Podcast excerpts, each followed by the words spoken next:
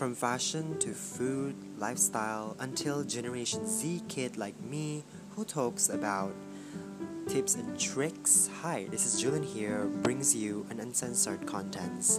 And yes, I'm not like a professional podcasters, but here we are, talking lots of things, um, random, with my microphone. I know it's kind of not like professional and some stuff, but this is going to be the thing that you might hurt, especially like us, a teenager or young adults, to be enjoyed with a natural and uncensored equipment.